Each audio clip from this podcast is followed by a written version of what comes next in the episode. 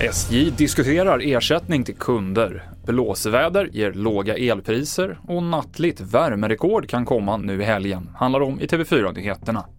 Vi börjar med tågbiljetterna för jul och nyårshelgerna, där många av de som faktiskt lyckades komma in på sj.se fick betala väldigt höga priser för sina resor. Och enligt SJ pågår det en diskussion om eventuell ersättning till de som drabbats av det här.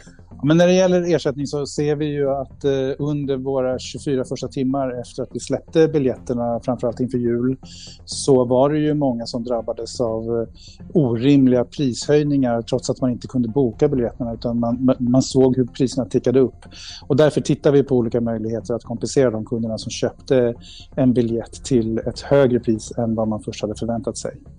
SJs presschef Tobbe Lundell det är ovanligt varmt för årstiden i södra Sverige, så till den milda grad att det kan slås nattligt värmerekord i helgen, berättar vår meteorolog. Skulle det varit sommar skulle vi kanske haft över 30 grader mm. eh, i det här väderläget, men nu stannar det kanske på en marktemperatur på runt ja, 15, 16 någonstans där och det är också nattetid möjligtvis.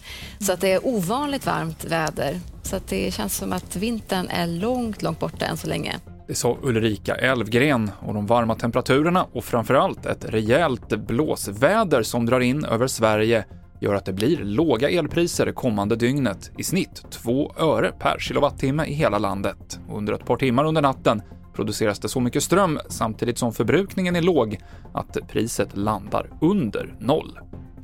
Till sist kan vi berätta att finska Yle gör sin egen version av På spåret. Precis som i den svenska förlagan ska det vara resor som varvas med frågor och musik, men programmet ska sändas live och en kock i studion ska ställa matfrågor relaterade till resmålen.